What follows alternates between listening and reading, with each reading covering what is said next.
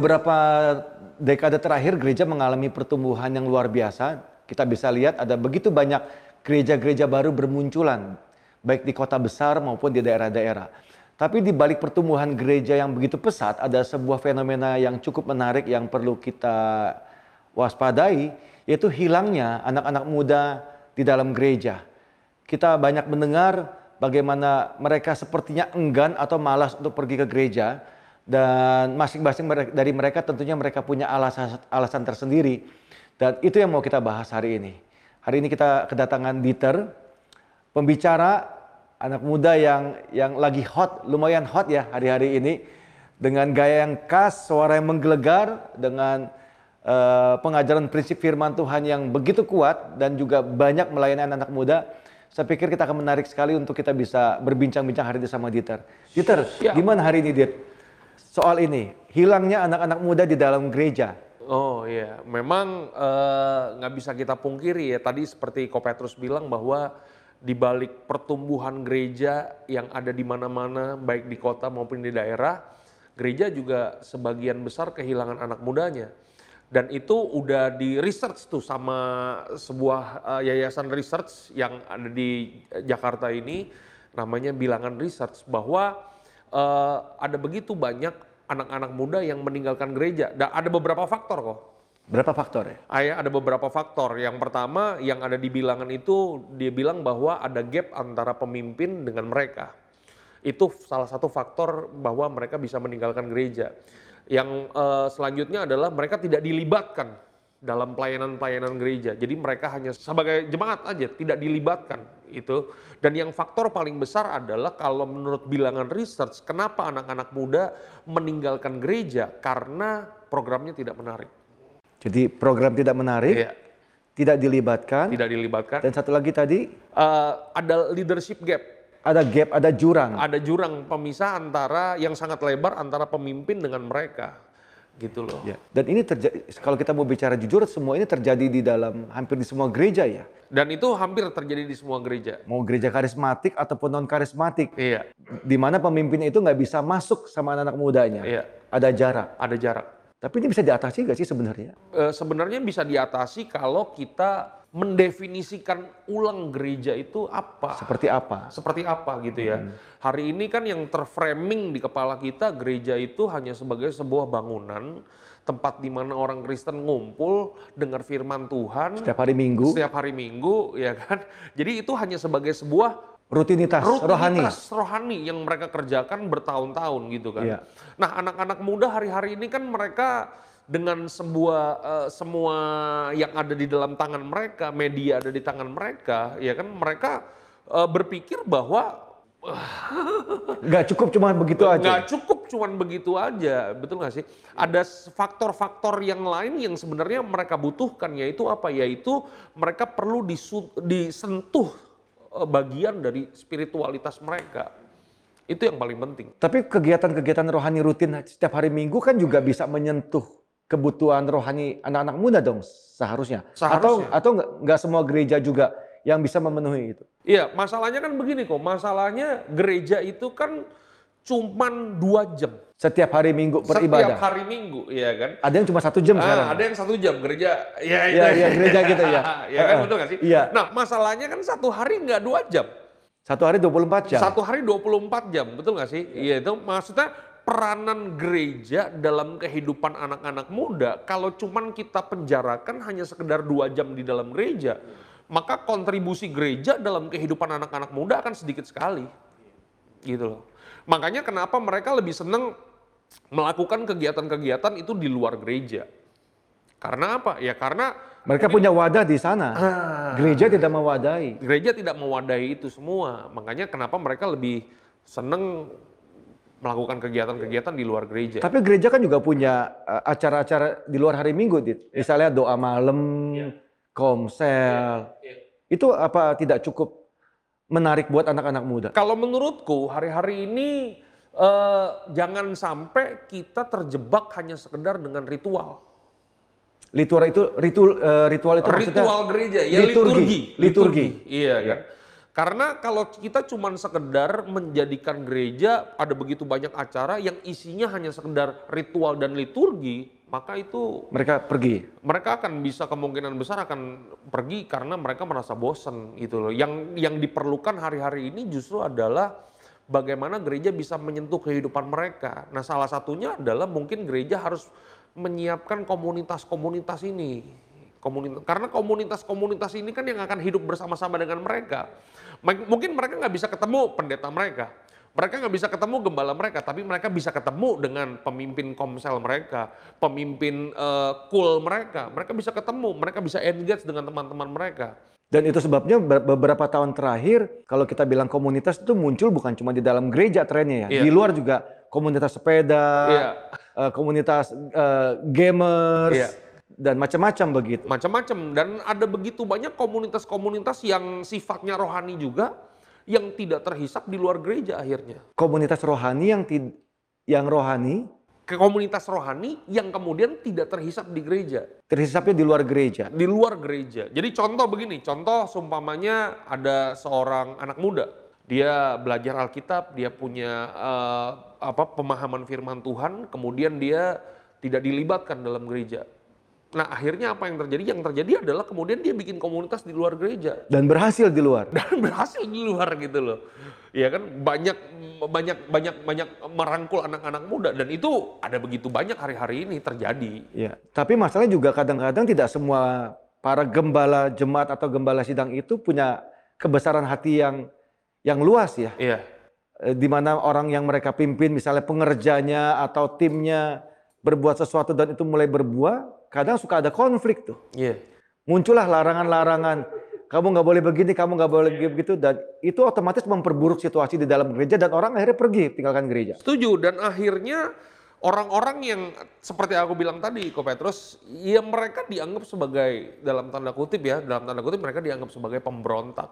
Ya, Padahal kalau kita bisa bersinergi dengan anak-anak muda, kita bisa saling membangun karena ya itulah pelayanan gereja itu seharusnya menjadi pelayanan gereja yang eh, berbasis tubuh Kristus. Masing-masing ada bagian dan perannya ya. Ah, masing-masing ada bagiannya, masing-masing ada jawatannya, dan gereja harus mengaktifkan itu semua kalau gereja ingin terus menjadi terang dan garam buat dunia ini. Iya. Tapi Dit, kadang-kadang kalau misalnya kita dari generasi anggap saya gitu ya, ini kan udah beberapa tahun lagi kepa, kepala lima umur ya. Oh kepala.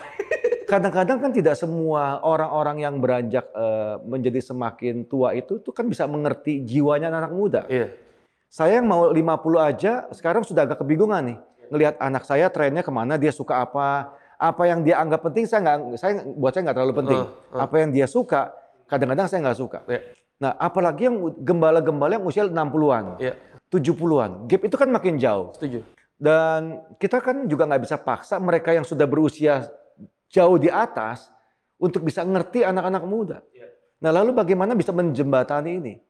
Karena kalau jembatan itu tidak terbangun, lama-lama anak-anak muda itu betul fenomena yang tadi yang, yang kamu bilang ada dalam survei. Pergi semua dalam gereja, gereja kosong dong Iya. lama-lama. Sedangkan yang tua lima tahun lagi mungkin ya ketemu Tuhan Yesus gitu ya. 10 tahun lagi juga udah nggak ada. Nah tapi kalau regenerasi ini nggak berjalan, habis tuh gereja. Setuju. Jadi kuncinya memang adalah regenerasi.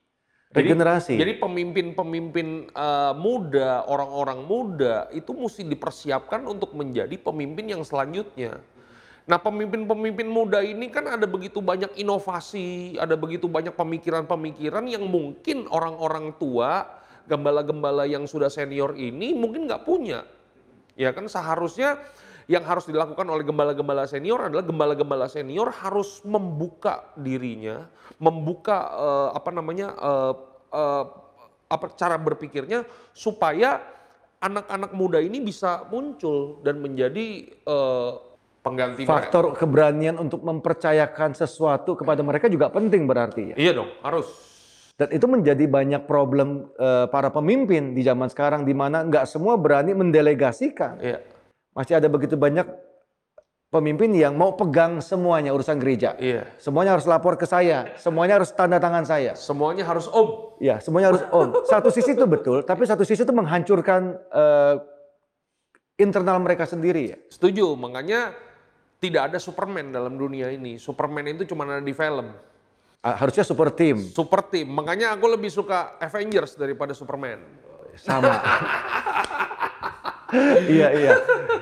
Ya, tapi ini dilema ya, Dit. Ya. ya. Eh, ini dilema loh, Dieter. Saya nih ada di usia-usia pertengahan yang dibilang muda banget enggak, tapi dibilang tua ya ju- juga belum, ada di tengah. Saya tuh bisa memahami bagaimana tidak mudah bagi bagi para gembala itu tuh bisa mengerti apa maunya anak-anak muda. Hmm. Tapi juga kalau dari yang muda-muda ini tidak mensupport belajar mengerti apa yang ada di kepala para pemimpin mereka, ya mereka nggak akan bisa ketemu di titik yang sama. Iya. Seperti kamu bilang tadi, tiga penyebabnya. Ada jurang. Jurang ini baru bisa ditutup kalau yang tua mau ngerti yang muda dan yang muda mau ngerti yang tua. Kedua tidak diakomodir. Ya ini ini masalah kompleks sebetulnya ya. Iya. Karena seperti kita tahu juga ada banyak gereja juga memang acara membosankan. Nyanyi ya begitu-begitu aja. Ke- Kebaktian itu mesti wajib pakai jas, pakai dasi. Saya malah eh, dengar be- belum lama ada salah seorang pengerja anak muda itu diskorsing sama gembalanya gara-gara pakai jeans ke gereja. Karena menurut gembalanya ke gereja itu pakai jeans itu nggak sopan. Nah aturan-aturan itu masih relevan nggak sih di zaman sekarang? Terlalu kaku ya. Iya. Menurut bahasamu ter- ter- terlalu kaku. Eh, ya makanya itulah kita mesti kembali kepada sebuah definisi yang benar.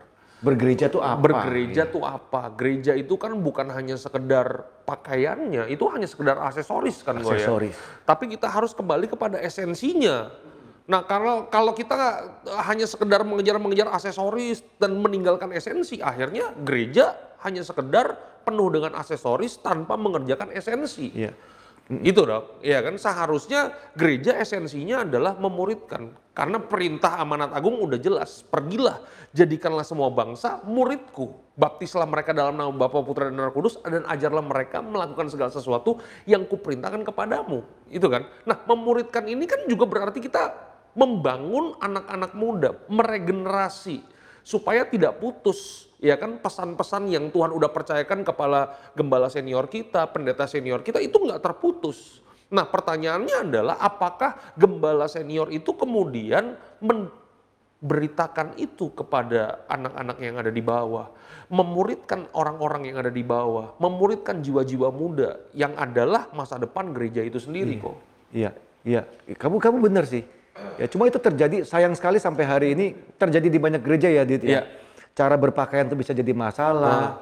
Jenis kue untuk acara Natal itu juga bisa ribut di dalam gereja. Iya kan? Iya. Yang satu mau lemper, yang satu mau bacang. ribut gara Jadi yang diributin hanya Aksesoris. aksesoris. Iya, bukan berita Injil yang yang bukan yang esensinya gitu loh. Nah, seharusnya kan gereja mengerjakan apa yang esensi. Aksesoris itu hanya sebagai sebuah pendukung aja supaya gereja bisa lebih relevan. jadi memahami untuk membedakan mana aksesoris dan mana hal inti itu juga perlu. Perlu, Dan dan orang perlu belajar banyak. perlu belajar banyak. Makanya kenapa kita perlu memuridkan itu, mengajar. Karena memuridkan di dalamnya kan ada unsur pengajarannya kok ya. Dengan memuridkan kita jadi ngerti maunya orang-orang yang kita pimpin tuh apa. Setuju. Begitu ya. Iya. Dan ini sebuah statement yang sangat luar biasa ya. Bahwa begini, kalau kita mau bertumbuh di dalam Tuhan, maka nggak bisa nggak kita harus memuridkan. Karena tanpa pemuritan kita nggak akan pernah bisa bertumbuh dalam Tuhan. Setuju. Gitu. Setuju. Iya. Tapi juga jangan lupa bahwa permasalahan besar yang sudah ada di dalam gereja itu pemuritan bukan menjadi sebuah hal yang biasa dilakukan di dalam gereja. Hmm. Ya. Sejujurnya begitu kan? Iya. Karena kita bisa temui eh, banyak gereja di mana gembalanya itu jadi gembala karena gembala dadakan. gitu. Misalnya contoh karena ya ada pelayanan yang berkembang yang dirilis yang dirintis oleh oleh pemimpin sebelumnya, Iya. terus pengen buka cabang, nyari orang belum ada, ya ya udah lu aja jadi gembala. Nah orang ini begitu jadi gembala nggak punya figur juga. Iya. Bagaimana eh, seharusnya gereja dijalankan? Iya. Akhirnya yang yang dilakukan oleh banyak gereja hari-hari ini adalah ya undang pembicara yang bagus, cari pemusik yang bagus, cari speaker yang bagus, bikin acara yang bagus, di mana semua itu aksesoris. Ya. Akhirnya gereja kehilangan intinya dong tentang Injil, tentang gospel itu, Iya. tentang hadirat Tuhan, Iya. tentang kekudusan nggak ada lagi. Iya. Nah ini juga baga- bagaimana gereja bisa selesaikan ini kalau pemahaman tentang itu nggak punya ya. Harus kembali ke pemuritan itu, Ya harus kembali kepada Alkitab lagi. Harus kembali kepada apa yang Yesus kerjakan waktu tiga setengah tahun. Dia melayani. Dia melayani dalam dunia. Iya kan? Kalau kita membaca Alkitab, kita mengerti bahwa ada 5.000 orang yang diberi makan oleh Yesus. Iya kan? 5.000 orang ini Alkitab berkata laki-laki. Belum yang perempuan. Belum yang perempuan, belum yang Anak-anak. anak-anak, ya kan? Jadi kalau kita hitung kasar ya, ada satu laki-laki, ada satu eh, istrinya dan anak-anak, berarti hari itu yang diberi makan sama Yesus 15.000 orang. Itu kalau anaknya satu ya. Itu kalau anaknya satu, kalau ya kita nggak usah hitung yang 8 lah, ya? Iya, kita iya. hitung generalisasi aja.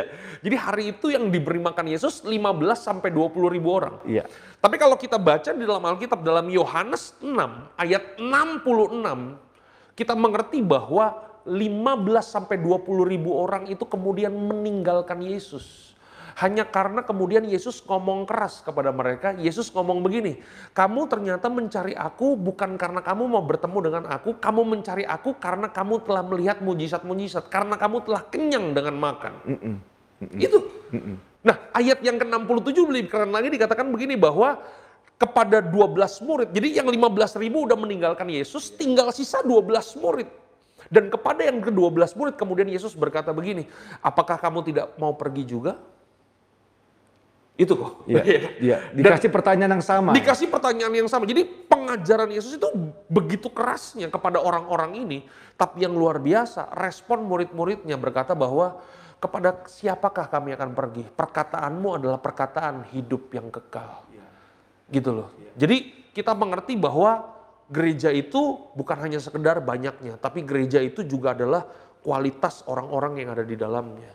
Kesimpulannya adalah gereja-gereja yang fokus kasih makan yang enak atau yang nomor satu ke banyak orang, satu saat akan berakhir tragis ya. Iya, Karena mereka sebenarnya mereka nggak punya pendukung loyal, karena pendukung loyal itu cuma murid yang jumlahnya sedikit dan hanya dihasilkan lewat pemuritan. Setuju. Dan kita tahu bahwa 12 murid Yesus kan satu berkhianat. Iya, kan? Yudas. Yudas kan betul gak sih? Iya. Dan 12 murid ini kan kemudian digantikan sama Matias itu kan. Betul. Dan 12 murid Yesus ini kemudianlah yang menggoncangkan dunia. Dan berita Injil itu tersebar sampai hari ini kita bisa percaya kepada Tuhan.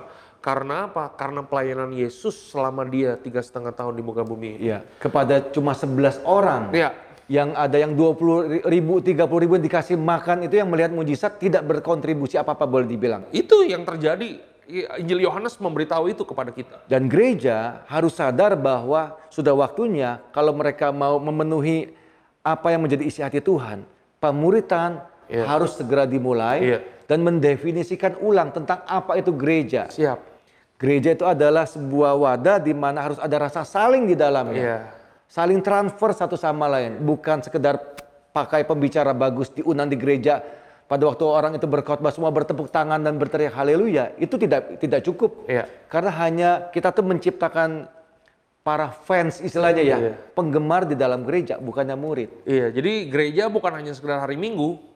Iya, iya. Di luar hari Minggu itu menentukan. Iya, gereja adalah kumpulan dari komunal-komunal orang-orang yang kemudian mengasihi Tuhan, mencintai Tuhan, bertumbuh seperti yang terjadi dalam kitab Kisah Para Rasul 2 waktu jemaat pertama mereka uh, berjumpa dengan Tuhan, ya kan? Alkitab berkata bahwa dalam dua, uh, Kisah Rasul 2 ayat yang ke-46 mereka waktu berkumpul mereka duduk di bawah pengajaran rasul-rasul. Jadi mereka hadir di dalam komunitas-komunitas mereka, mereka belajar di situ. Jadi ada faktor hubungan di situ, yang kedua ada faktor pengajaran di situ. Boleh dibilang ini warning buat bagi banyak gereja ya. Jangan senang kalau jemaat kumpul di hari Minggu. Iya. Tapi kalau di luar hari Minggu semua kalau misal kita buat pemuritan, kita menawarkan ke jemaat tentang sesuatu yang Yesus lakukan, jemaat tidak mau respon, sebetulnya gereja itu rapuh. Ya, Kita jadi parameter bisa ke sana dong. kalau kita hanya sekedar ngumpulin orang di hari Minggu, eh, COVID-19 ini, virus corona ini telah membuktikan kok bahwa ya bagaimanapun kerennya gereja, bagaimanapun jemaatnya sekarang hari ini ternyata begitu COVID-19 virus corona mewabah di Indonesia selesai semua. Iya. Apa yang dibangun selama itu hilang dalam sekejap cuma karena satu peristiwa. Satu peristiwa. Dan ini sebenarnya mengajarkan kepada kita bahwa apa yang kita fokuskan kalau cuma hari Minggu itu salah ya. Iya, Karena jejaknya nggak ada sama sekali. iya. Tapi gereja-gereja yang berfokus dengan komunitas hari-hari ini kita bisa lihat bagaimana Zoom Iya. atau IG Live itu menjadi sarana yang begitu Sarana hebat di mana komunikasi tetap ada, tetap terjalin.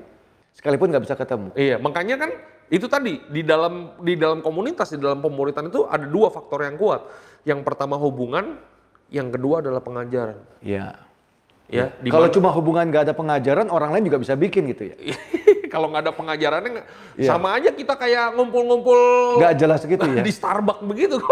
Kayak geng motor kalau ngumpul kata ngapain. Iya. Iya. Iya, yang membedakan kita dengan komunitas yang ada di luar sana, kita bukan cuma punya hubungan, tapi kita punya pengajaran, pengajaran yang berdasarkan bahwa yaitu bahwa kerajaan Allah itu harus ada di muka bumi ini. Iya, ada value, Ada kerajaan surga yang kita tanam pada waktu Iya. kita kumpul. Ya, Nah, tapi balik lagi kalau ke topik awal kita tentang anak-anak muda itu, jadi eh, ngeri banget ya, Dit, ngelihat bagaimana sekarang orang-orang muda itu punya idolanya tuh bukan kepada anak-anak Tuhan juga, tapi id- idolanya sekarang tuh lebih banyak ke sosial media, iya, yang ibu-ibu drakor sekarang lagi merajalela.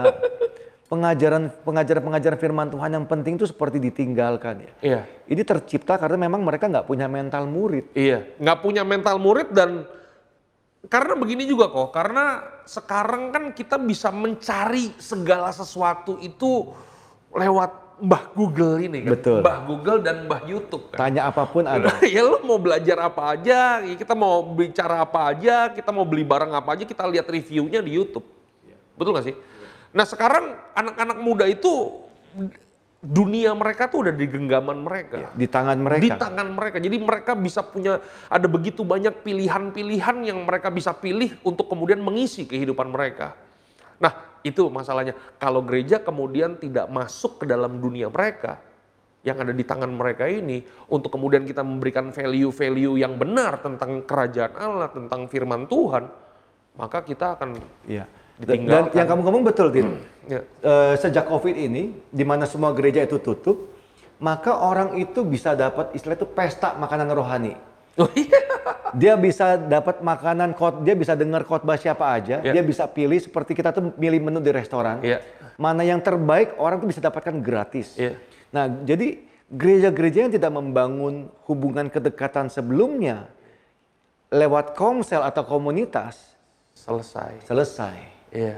Ya, selesai. Iya. Dan di- dan sampai hari ini pun juga masih banyak gereja yang tidak menyadari eh, begitu ibadah stop, ya mereka stop total. Mereka nggak bikin interaksi seperti yang yang kita lakukan hari Iya. ini. Mereka nggak ketemu dengan timnya, dengan leadersnya lewat lewat so- eh, aplikasi di, di sosial media yang begitu Iya, banyak. iya. Ya karena mereka selama ini berpikir ibadah itu ya hari Minggu. Iya. Nah kalau hari Minggunya stop, berarti ya stop aja. Nanti ketemu lagi kalau itu sudah selesai. Ya, Betul. Dan mereka kalau mau dengar firman Tuhan, pilihannya banyak. Pilihannya sangat banyak. Dan orang itu kalau nggak loyal akan bisa membandingkan gembala gua sama si ini kalah keren. Setuju. Pendeta tuh lebih keren. Setuju. Di mana itu sebetulnya bukan bapaknya mereka. Ya, mereka terpesona dengan dengan dengan figurnya, dengan nama besarnya. Iya. Mereka lupa bahwa kalau mereka sakit, kalau mereka butuh pertolongan, yang hadir itu bukan orang lain, Ma. Tapi gembalanya sendiri, Iya. pemimpinnya sendiri. Iya. Tapi tragis pada waktu kita mendapati fenomena di mana orang tuh sekarang bisa suka dengan dengan orang-orang lain dari figur yang berhasil dibangun ya. Iya. Itu juga kita nggak bisa pungkiri kita hidup di zaman itu. Setuju. Makanya di bilangan research ini salah satu kenapa anak muda meninggalkan gereja 5,60 persen, 5,6 persen kok, itu adalah kepura-puraan atau tidak otentik. Iya. Iya kan? Artinya apa? Artinya eh, mereka melihat pemimpin mereka, mereka melihat sosok yang dipanuti di gereja itu tidak membuka dirinya untuk dilihat. Karena kan zaman sekarang ini orang Zaman lihat figur. terbuka semua ya? Zaman terbuka, betul gak sih? Iya kan? Ini orang khotbahnya dahsyat luar biasa, hidupnya sehari-harinya gimana? Orang pengen lihat itu. Betul gak sih? Nah, kalau orang nggak lihat itunya, nah itu. Walaupun pada waktu mereka punya idola di channel lain, mereka punya idola pendeta lain, mereka kagum. Sebenarnya mereka, mereka kan juga nggak tahu dong hidup sehari-hari yang di orang-orang itu juga gimana Setuju, mereka nggak tahu. iya, iya. Tapi karena secara figur udah kalah kuat, akhirnya jadi di- dibanding-bandingin. Yang ini yang ini lebih lebih bagus, yang ini lebih jelek, yang ini lebih pinter, gembala gua kurang. Ya. Dan orang tuh bisa membuat sebuah keputusan yang salah hanya berdasarkan apa yang tampak di luar. ya. Setuju. Tapi juga tidak bisa disalahkan sikap keputusan mereka seperti itu kalau gembala tidak open Kehidupannya. dan tidak engage Iya. dengan orang-orang yang dipimpinnya. Eh, makanya itulah eh, kenapa kita sebagai ham- hamba Tuhan pendeta itu dengan jemaat itu kan sebenarnya Alkitab berkata perbedaannya itu kan cuma di jabatannya doang kan. Iya. Tapi Alkitab menceritakan bahwa Alkitab berkata bahwa setiap kita adalah imamat yang rajani. Ya, artinya setiap orang percaya adalah imam. Artinya apa? Artinya Kopetrus tidak lebih imam dari saya. Iya. Saya tidak lebih imam daripada Kopetrus. Kita setara, ya. Dan jemaat juga tidak lebih imam daripada kita. Kita punya akses langsung kepada Tuhan. Amin. Betul nggak sih? Iya. Tapi memang di dalam gereja perlu yang namanya pemimpin. Yang membedakan cuma jabatan aja. Jabatannya Kita aja. ada di panggung, Iya. yang lain di luar panggung. Itu. Tapi di hadapan Tuhan sama semua. Betul. Makanya itu dia tadi aku bilang kok. Satu hari itu kan nggak dua jam. Iya. Kita dua jam bisa hebat di panggung, panggung, eh, panggung-panggung gereja, betul Panggungnya sih? kita, nih. Panggungnya kita. Tapi 22 jam begitu kita turun dari panggung, itulah seharusnya khotbah kita, khotbah kehidupan yang orang-orang lain kemudian lihat dalam kehidupan kita. Apakah kita asli atau kita cuman pura-pura? Dan dan itu yang mem- yang menyebabkan kenapa orang-orang muda itu pergi meninggalkan gereja. Karena dari dari riset ini 5,6 persen mereka mendapati para pemimpin yang di dalam gereja mereka itu dipenuhi pura-pura. Maksudnya yang, yang mereka ngomong beda dengan tindakan Iya. kenyataan sehari-hari.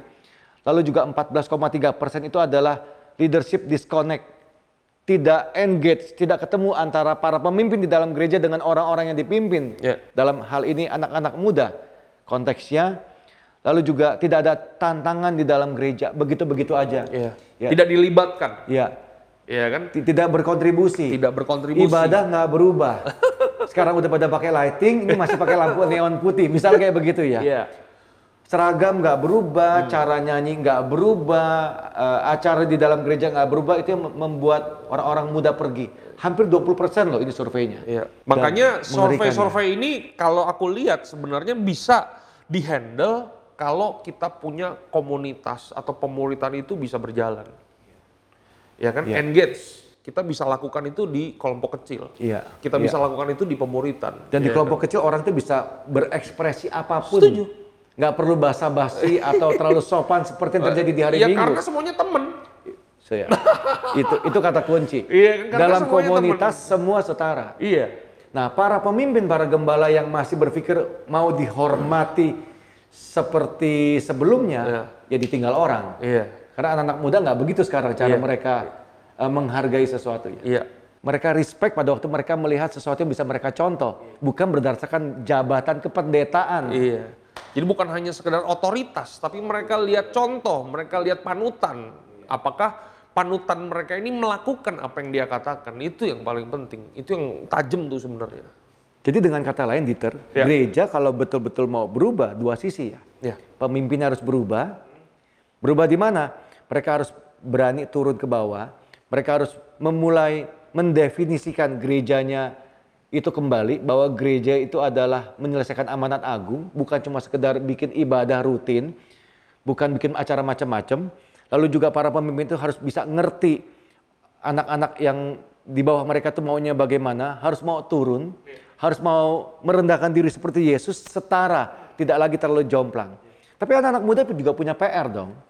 PR. Bagaimana supaya mereka juga bisa bergereja dengan benar? Karena kalau kita ngikuti mereka bebas seperti yang mereka mau, rusak gereja. Oh setuju, Iya setuju, dong. setuju. Jadi nanti gereja nggak ada beda seperti klub-klub malam. iya, Iya, iya, dong. iya. Isi musik maunya yang jedak jeduk jedak jeduk pakai lampu, pakai layar LED apa bedanya cuma lagunya Setuju, dong setuju, diganti setuju, dong. Setuju, iya. Makanya ya ini ya kata relevan itu penting. Relevan. Relevan. Tapi relevannya bukan relevan dengan dunia, tapi kita mesti relevannya dengan apa yang Tuhan mau kerjakan buat gerejanya di hari-hari ini. Nah itu yang banyak anak-anak muda itu miss Dieter. Ah, Kata relevan di pandangan mereka ya, itu adalah sama seperti dunia. iya.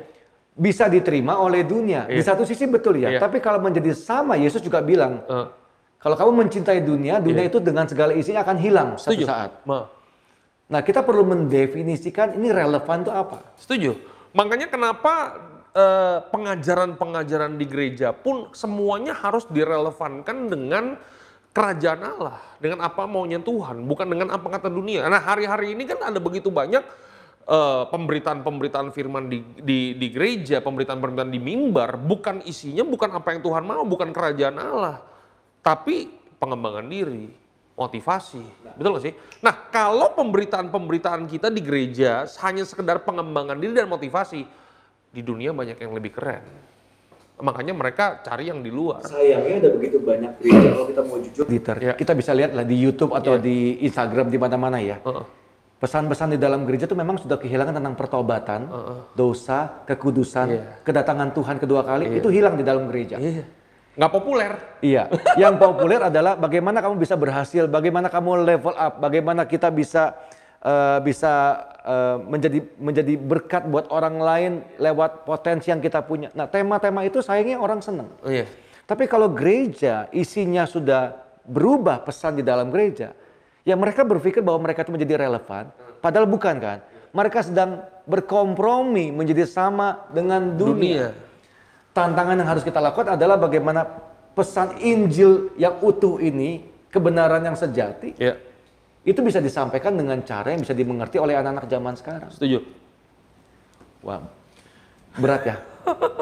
Gereja itu PR-nya banyak Dieter. Ya, ya makanya kita sebagai hamba Tuhan, kita mesti benar-benar serius mempersiapkan jemaat Tuhan untuk mereka bisa menjadi mempelai Kristus. Bagaimana caranya supaya mereka bisa menjadi mempelai Kristus? Pemberitaan-pemberitaan kita itu bukan hanya sekedar membangun eh, kehidupan mereka, menemukan potensi mereka, tapi mereka harus berjumpa dengan Tuhan dan mereka harus menemukan destiny mereka di dalam Tuhan. Supaya setiap eh, pendeta hamba Tuhan yang ada di gereja beserta dengan jemaatnya, kita masing-masing bisa kemudian menggenapi setiap rencana Tuhan dalam kehidupan kita masing-masing sehingga nama Tuhan dipermuliakan kalau menurut Nah, tapi kalau balik ke tema soal anak-anak muda tadi, Dieter, menurut kamu ya, relevan itu apa sih? relevan itu eh, sinkron dengan apa yang Tuhan mau, dengan kehendak Tuhan. Itu relevan. Iya kan? Nah, itu satu, satu sisi ya. satu sisi, iya? Nah, tapi kalau relevan dengan zaman sekarang, menurutmu itu bagaimana? Nah, relevan dengan zaman sekarang itu bicara soal bagaimana kita bisa relate dengan dunia di sekitar kita. Kita punya prinsip Tanpa meninggalkan prinsip kerajaan Allah yang ada di dalam kita. Itu, itu yang yang yang benar. Iya kan, karena uh, aku juga lihat kok maksudnya ada pendeta-pendeta yang relevan, relevan, relevan. Tapi kehilangan prinsip firman Tuhan yang sebenarnya. Iya. Iya itu kan? yang terjadi hari-hari ini begitu Oh, banyak. yang lain pada pakai tato, oh dia Ikut, tatoan iya, juga, iya, ya iya. kan yang lain Iya. tindikan. Wah, Jadi kita kompromi dengan dunia jadi bukan Iya, iya. ya kan? Kita meninggalkan prinsip-prinsip kerajaan Allah itu Iya. sendiri. Anak-anak muda kita juga sekarang kepengen karena mereka punya idola di luar negeri. Contoh pemimpin pujian WL worship leader ya. Oh. Itu kan kalau di luar negeri kan eh, worship leadernya pakai gitar, pakai topi, nyanyi. Itu kan keren ya. Iya. Ya, di foto dari angle tertentu dengan lampu, dengan asap. Jadi bagus. Nah anak-anak kita juga pengen ngikut. Sekalipun mereka nggak bisa main gitar gitu. Yang penting bawa gitar ke panggung. Iya siap. Nyanyi. Antara masalah kunci sama suara, sama suara itu nggak ketemu tuh belakangan. Tapi mereka mau tampil keren kenapa? Begitu di foto, mereka bagi. Nah, jadi generasi muda ini kalau nggak belajar seperti kamu bilang, relevan itu adalah sejalan dengan kehendaknya Tuhan, tetap sejalan dengan prinsip-prinsipnya, tapi juga tidak menjadi aneh di dunia. Setuju. Nah, itu yang harus mereka temukan. Iya, sama seperti filosofi ikan. Filosofi ikan. Iya, mereka ada di dalam air tapi tidak tenggelam. Wah, waduh. Itu dalam. Iya kan kita juga dong, kita anak-anak Tuhan kita ada di dunia, tapi Dalam. kita tidak serupa dengan Iya, dunia. iya, iya. Jebakan eh, atau kesalahan banyak orang-orang di dalam gereja atau para pemimpin gereja adalah mereka ingin menjadi relevan dengan cara mereka menjadi sama, Sama dengan, dengan dunia, dunia. tanpa mereka sadar. Iya, makanya orang-orang yang lihat mereka, wah sama dengan dunia. Oh, Kalau gitu langsung ke dunia aja, ngapain ke gereja lagi? Betul, Nah, betul. itulah faktor-faktor yang kemudian membuat anak-anak muda meninggalkan gereja. Iya. Gereja yang berusaha menjadi relevan dengan cara menjadi sama dengan dunia, biar bagaimanapun akan kehilangan atau kalah pamornya dengan dunia yang di luar sana. Karena biar bagaimanapun gereja akan bergerak dengan segala keterbatasannya. Setuju. Ada norma-normanya. Iya. Karena ya itu Alkitab sudah memberitahu kepada kita bahwa kerajaan dunia itu menawarkan tiga hal. Keinginan daging, keinginan mata, keangkuhan hidup. Yang ditawarkan itu. Dan gereja nggak bisa bersaing dalam tiga area itu. dong. Iya, so- berat. Sedangkan kerajaan Allah menawarkan tiga hal juga. Sukacita, Damai sejahtera. dan kebenaran. Nah itu pilihannya dari tangan kita. Kita mau menawarkan yang ini atau menawarkan yang ini. ya kan? Iya. Itu dia. Tapi juga gereja kalau belum mengalami kemerdekaan dalam Kristus, mereka nggak mungkin bisa mengajarkan atau membagikan damai sejahtera, sukacita, dan kebenaran seperti kamu maksud. Ya. Kalau gembalanya sendiri belum mengalami kepenuhan dalam tiga area ini. Setuju? Iya. Yang terjadi tong kosong nyaring bunyinya. Iya. gitu sih kok. Gereja harus berubah hari-hari sekarang ya. Iya, apalagi dengan pandemik COVID-19 ya virus corona ini ya melanda seluruh dunia, wah, pelayanan kita udah bisa berbeda hari-hari Iya, ini. iya. Ya kan? Kita nggak tahu nih ya ini kapan berakhirnya. Betul. Nggak ada yang pernah Betul. tahu. Betul, Betul betul, sih? betul. Nah kalau kita nggak siap juga dengan dengan pelayanan-pelayanan atau bagaimana Tuhan ingin menyatakan kehendaknya kepada kita dan kita melewatkan momen ini, kita melewatkan kairos Tuhan, kita nggak akan pernah bisa menuai jiwa-jiwa. Gitu sih. Tapi dari pembicaraan hari ini, Dieter, saya tuh nangkep pertama, seperti yang kamu katakan di awal. Gereja harus mendefinisikan ulang tentang apa itu gereja. Ya. Gereja itu bukan gedung, berapa kali berapa, tembok, ya. Walaupun kalau hari Minggu kita ibadah di dalam gedung, tapi bukan itu arti gereja sebenarnya.